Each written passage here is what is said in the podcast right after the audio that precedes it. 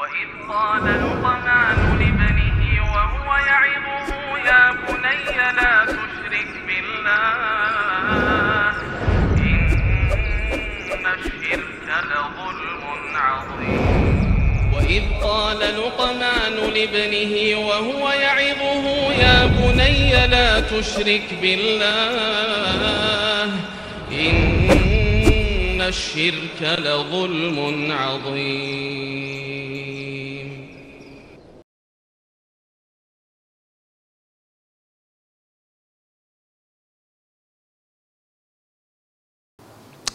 بسم الله الرحمن الرحيم السلام عليكم ورحمة الله وبركاته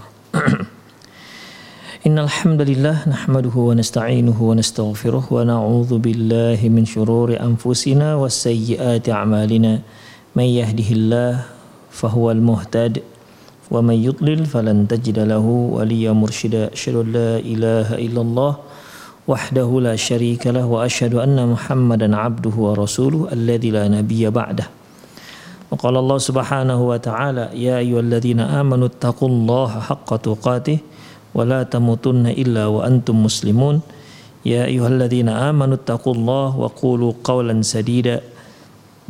يصلح لكم أعمالكم ويغفر لكم ذنوبكم. ومن يطع الله ورسوله فقد فاز فوزا عظيما. يا أيها الناس اتقوا ربكم الذي خلقكم من نفس واحدة وخلق منها زوجها وبث منهما رجالا كثيرا ونساء. واتقوا الله الذي تساءلون به والأرحام إن الله كان عليكم رقيبا. أما بعد إن أصدق الحديث كتاب الله وخير الهدي هدي محمد صلى الله عليه وسلم وشر الأمور محدثاتها وكل محدثة بدعة وكل بدعة ضلالة وكل ضلالة في النار kaum muslimin, kaum muslimat, para pemirsa dimanapun anda berada yang mudah-mudahan dirahmati dan senantiasa dilindungi oleh Allah Subhanahu Wa Taala. Alhamdulillah kembali sore hari ini kita kembali uh, bersua dalam program acara serial fatwa seputar anak. Kemudian ikhwah azani Allah wa ikum. Selanjutnya. Mahiyan nafaqatu mahiyan nafaqatul wajibah alal abi lil waladis saghir Apakah nafkah yang wajib di yang wajib yang diemban oleh si ayah uh, terhadap anak-anaknya yang masih kecil? Ya, apa itu kewajiban itu ikhwah? Alal abi khamsu nafaqat lil walad liwadis. Bahwasanya seorang ayah wajib memberikan lima jenis nafkah lima jenis nafkah yang dia berikan wajib dia berikan kepada anaknya yang masih kecil. Saya ulangi seorang ayah wajib mengeluarkan lima jenis nafkah untuk anaknya yang masih kecil. Yang pertama ujratul ridha yaitu uh, upah untuk menyusui si anak. Ya ini biasanya kalau upah ini kalau si si ayah sudah tak punya istri misalnya mungkin istrinya meninggal. Nah, demikian. Maka otomatis kalau memang ada perempuan lain yang ingin menyusui si bayi, ya dia dialah dialah yang berkewajiban memberikan upah terhadap ibu yang menyusui tersebut, terhadap wanita yang menyusui bayinya. Itu ayah yang ayah si bayi yang berkewajiban memberikan. Demikian ikhwah. Kemudian wa ujratul khidana dan upah untuk pengasuhan. Ya apa anak habis disusuin kemudian dibiarkan aja gitu. Gimana kalau dia pipis? Gimana kalau dia sakit? Gimana kalau dia menangis? Gimana kalau ini dan itu? Siapa yang memandikan dia? Kalau dia pup, siapa yang membersihkan pupnya? Itu kan perlu pengasuhan, ikhwah. Ya. Tapi kalau si ayah nggak bisa memberikan pengasuhan seperti itu, maka dia boleh upah orang lain untuk itu. Ya. Dia boleh memberikan upah orang lain untuk itu. Intinya si anak si bayi berhak mendapatkan pelayanan asuhan. Itu ikhwah. Dia berhak mendapat pelayanan asuhan. Kalau sampai si bayi tidak ada yang ngasuh, terlantarlah dia, itu berdosa ayahnya. wan nafaqatul ma'isyah wan nafaqatul ma'isyah min as-sabun wad duhun wal farash wal firash wal farsh wal ghita yaitu demikian juga nafkah kehidupan seperti makan, minum, ya sabun, apalagi ya baju, minyak. Biasa kan kalau bayi itu ada minyak telonnya, demikian ikhwah minyak kayu putihnya misalnya dan ya uh, tempat tidurnya, selimutnya, demikian. Ya hal-hal yang memang sangat dibutuhkan oleh si anak. Ya, hal-hal yang memang sangat dibutuhkan oleh si si anak. Jadi bukan berarti seorang ayah itu hanya berkewajiban memikirkan bagaimana agar si anak bisa menyusu. Setelah disusu, dibiarkan aja. Oh ya enggak, ikhwah ya kemudian wa ujratul maskan wa ujratul maskan khidana alladhi uh, tahdinnahu fihi al um dan demikian juga uh, sewa rumah sewa rumah untuk pengasuhan ya ada seorang ibu wanita yang mengasuhnya sudahlah diberi apa namanya uang untuk pengasuhan, tapi nggak ada rumahnya.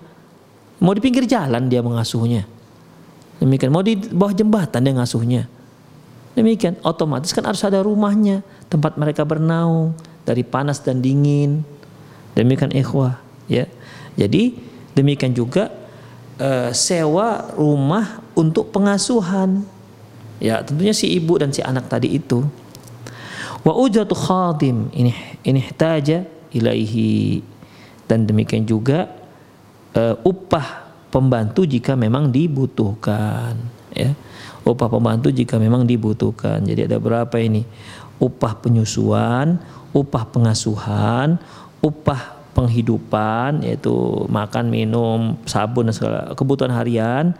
Kemudian upah tempat tinggal dan upah pelayanan. Demikian ikhwah. Upah pembantu. Lakin ilzamul ab bin nafkati bi anwa'iha idza lam yakun saghir malun. Uh, hanya saja perlu diketahui bahwasanya kewajiban ayah untuk memberikan nafkah seperti yang telah kita sebutkan itu apabila si kecil tak punya uang ataupun tak punya harta. Fa in kana lahu mal fal aslu anna nafaqatal insan fi malihi nafsihi saghiran kana au kabiran kama fi islami Allahu alam. Apabila si kecil punya uang, punya harta, maka pada asalnya nafkah seorang manusia itu dibebani dari harta pribadinya, baik dia kecil, masih kecil maupun yang sudah besar. Demikian ketetapan dalam fikih Islami. Allahu alam. Oh, apakah bayi bisa punya uang? Bisa ya, kok kenapa tidak? Ya. Pasang suami istri ya, si suami pengusaha, istri pengusaha berat Kalah suaminya. Suami pengusaha, istri pengusaha, pengusaha tapi pengusaha berat, pengusaha berat misalnya. Nah, lahirlah mungkin si si istri ini semasa dia muda, masya Allah mereka dia getol sekali usaha sehingga dia punya mungkin punya beberapa minimarket, punya usaha-usaha yang lain. Ketika dia pertemuan suaminya, suami juga pengusaha, masing-masing kan punya harta pribadi nih, ya. Nah, meninggallah mereka, meninggal uh, menikahlah mereka kemudian hamillah si istri. Begitu melahirkan meninggal si istri. Anak laki-laki. Otomatis kan si anak laki-laki ini bayinya ini punya punya punya harta. Dari mana hartanya? Dari harta peninggalan si ibu.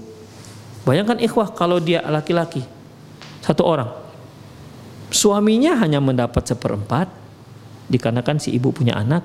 Sisanya ke mana? Ke si anak laki-laki bayangkan kalau semua jumlah harta kekayaan ibunya sampai satu miliar misalnya, paling sedikit misalnya kan, si ayah kan hanya dapat berapa? Ayah hanya dapat seperempat. Seperempat itu berarti 400 juta. Sisanya yang 600 juta milik si bayi.